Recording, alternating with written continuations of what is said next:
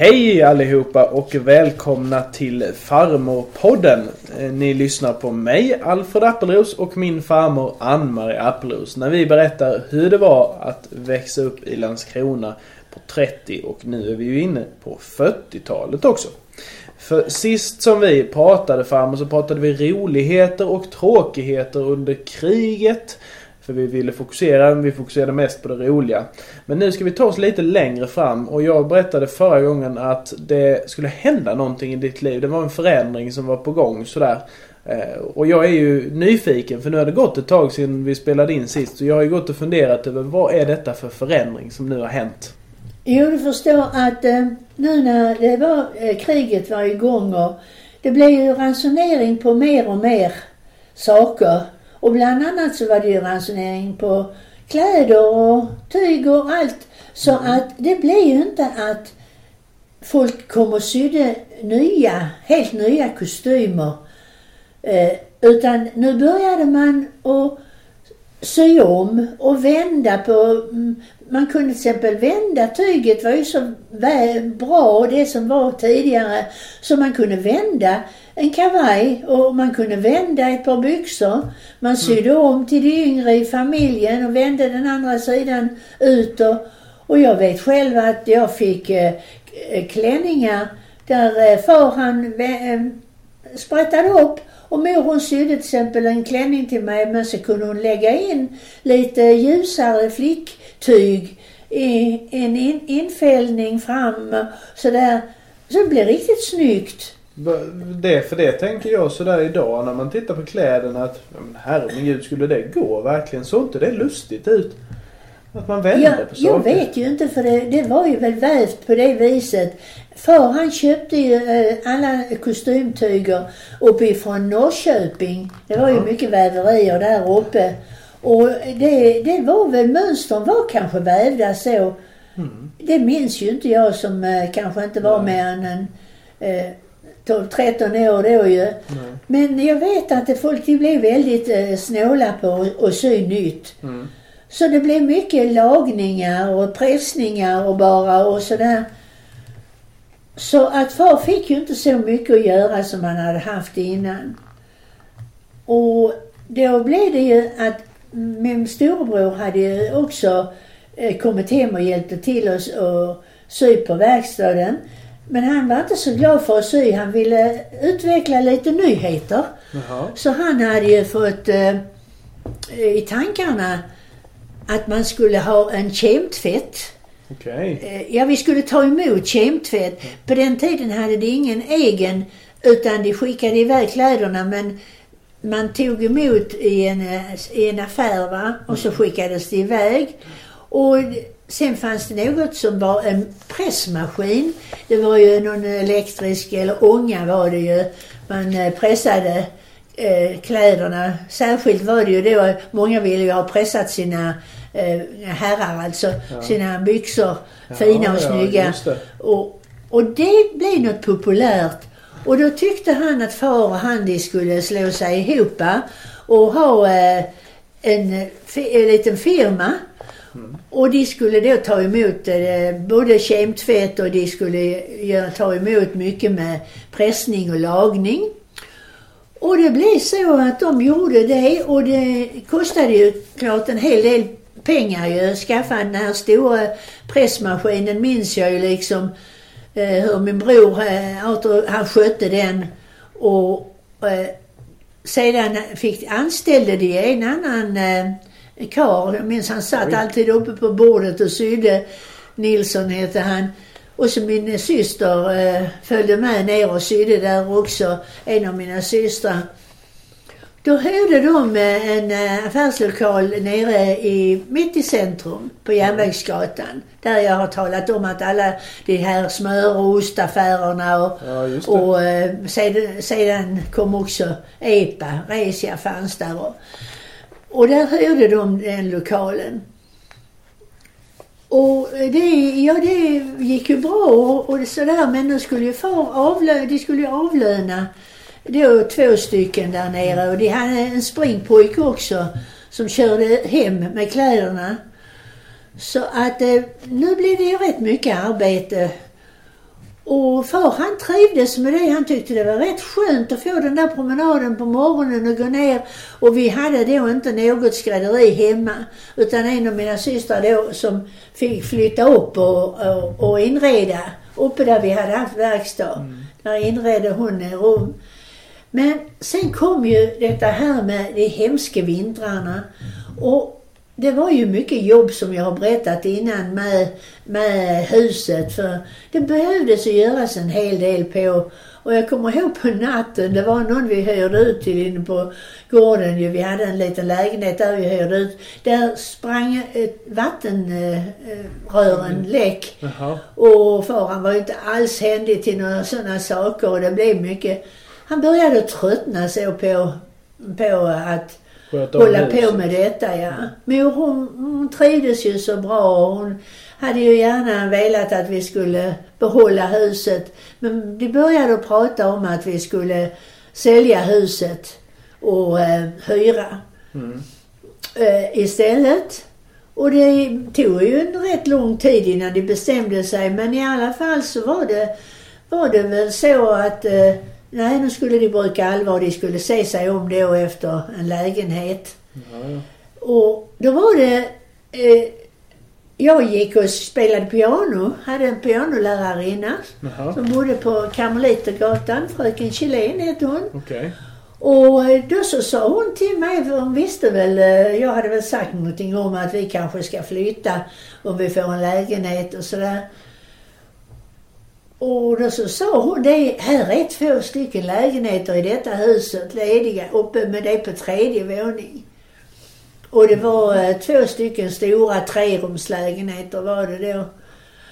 Och jag talade ju om det och far och mor de gick och tittade på den här lägenheten men mor hon tyckte gå upp för alla de trapporna. Hon tänkte väl på hur mycket hon skulle mat hon skulle bära upp för till tredje våning. Ja visst, och, och, tvätt och sånt. Ja, och tvätten det blev ju nere i källaren. Ja. Och så skulle hon ända upp på fjärde våning på vinden ja. och hänga det. Uh.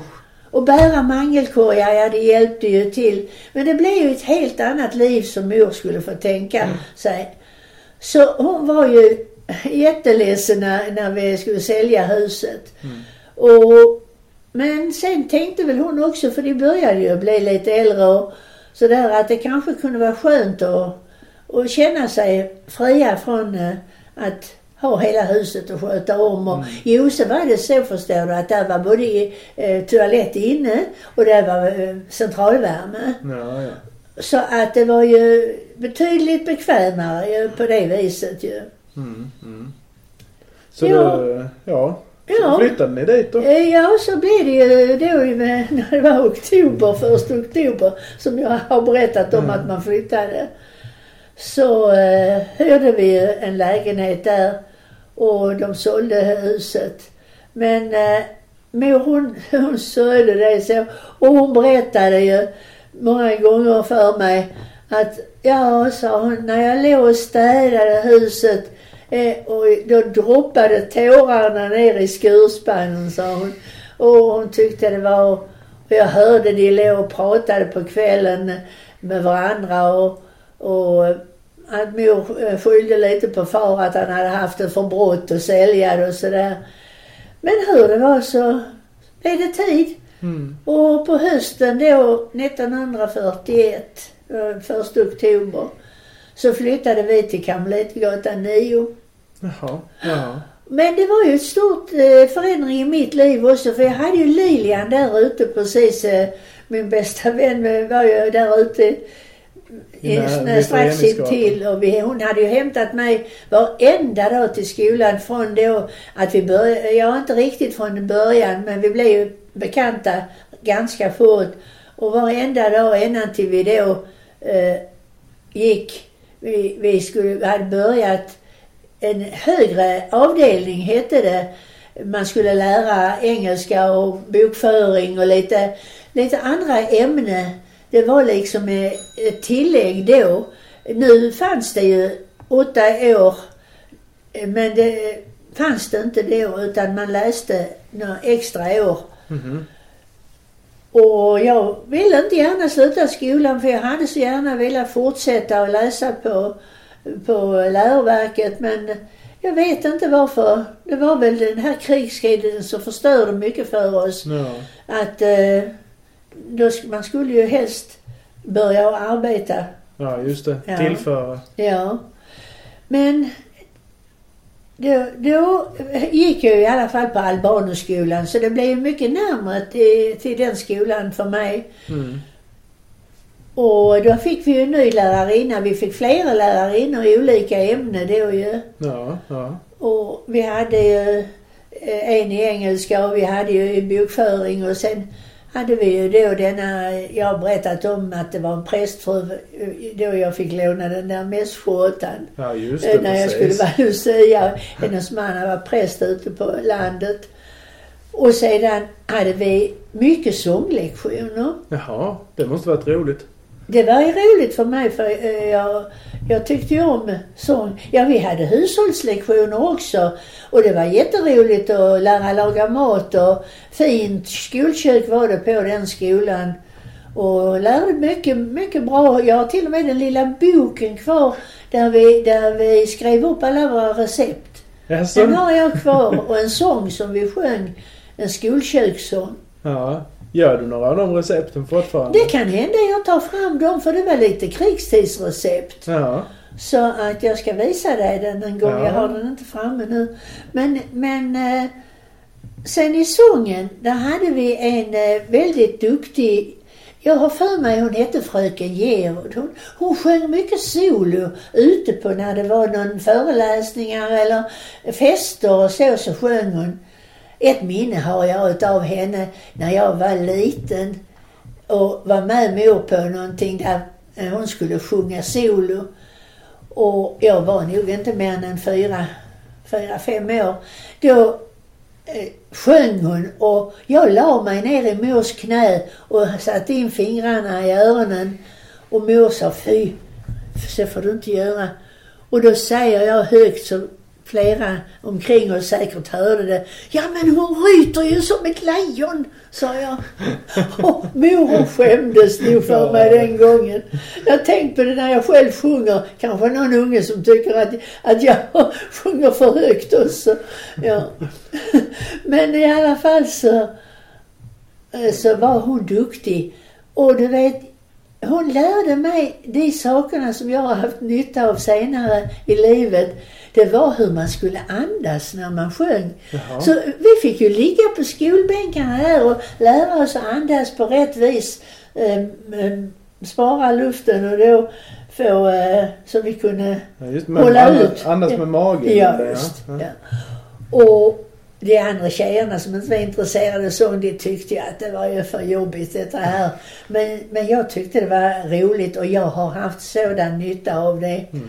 Så hon gjorde mig en stor tjänst. Ja, ja, det förstår jag. För du har ju alltid sjungit så, så länge jag... Ja, Mm, och sedan förstår du så var det ju så att när jag skulle sluta skolan, då på våren sen 1942, då var det exakt 100 år sedan lagen om eh, skolplikt började. ja, Det ja. var ju 1842.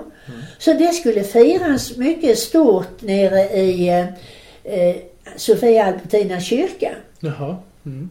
Och eh, då fick vi som var i denna klassen, och det var flera stycken, det var lite vuxna också. Vi fick, jag kommer ihåg vi fick öva in något som de kallade kantat. Jaså, Och det var mycket med både kör och solo och mycket, mycket sång. Och det var på vår examensdag. Jaha. Och de, det tyckte jag var väldigt fint och högtidligt. Det var nog det där kanske största framträdandet jag hade varit med om Mm. eh, då. Och så att eh, det, var, det var också ett minne som jag har tyckt jag har velat bevara. Ja, alltså du, du fick ändå många fina minnen från den skolan och sista skolåret. Och Ja, så. jag hade inget emot den skolan och vi hade eh, slöjd också. Fick sy eh, bra saker, lite hemgift, lära oss att brodera hålsum och så det, det var ett jättefint år egentligen, det var det. Just det. Men sen var det ute i verkligheten då. Ja, då, då fick jag, eh, tyckte mor att jag skulle ha lite ledigt det sommarlovet och jag fick åka till min syster Svea och eh, hennes man William och Birgitta uppe i, i Falun. Mm. Och där var jag hela sommaren hos dem. Och eh, sedan, ja, då var det tid när jag kom hem. Nu skulle jag se mig om efter ett arbete. Fortfarande höll ju världskriget också på och jag kommer nästa gång till att berätta dels om mitt första arbete Mm. på Öresundsvarvet och dels om fortsättningen på kriget ute i världen. Just det. Ja, det ska bli spännande att höra farmor. Eh, Det är ju... eh, Det är ju jätteintressant att höra hur det var att leva i skuggan av ett världskrig när vi ändå lever med så mycket krig runt omkring oss idag fast ännu längre bort. Det var, Eh, Det, det ska bli roligt att höra. det var ju så att eh, det var ju inte så vanligt då med krig. Nu är det ju krig någonstans alltid. Ja, just det. Ja. Ja men farmor, det ska bli spännande att höra mer. Eh, vi är ju inne på hur det var att leva i skuggan av ett världskrig. Så, så det ska bli roligt att höra om första arbetet och fortsättningen på kriget. Vi får ju se till att eh, höras av och eh, spela in ett avsnitt snart igen. Det får vi göra ja. Ja. Tack så mycket för idag. Ja, tack själv. Hej då! Hej då. Hej då alla.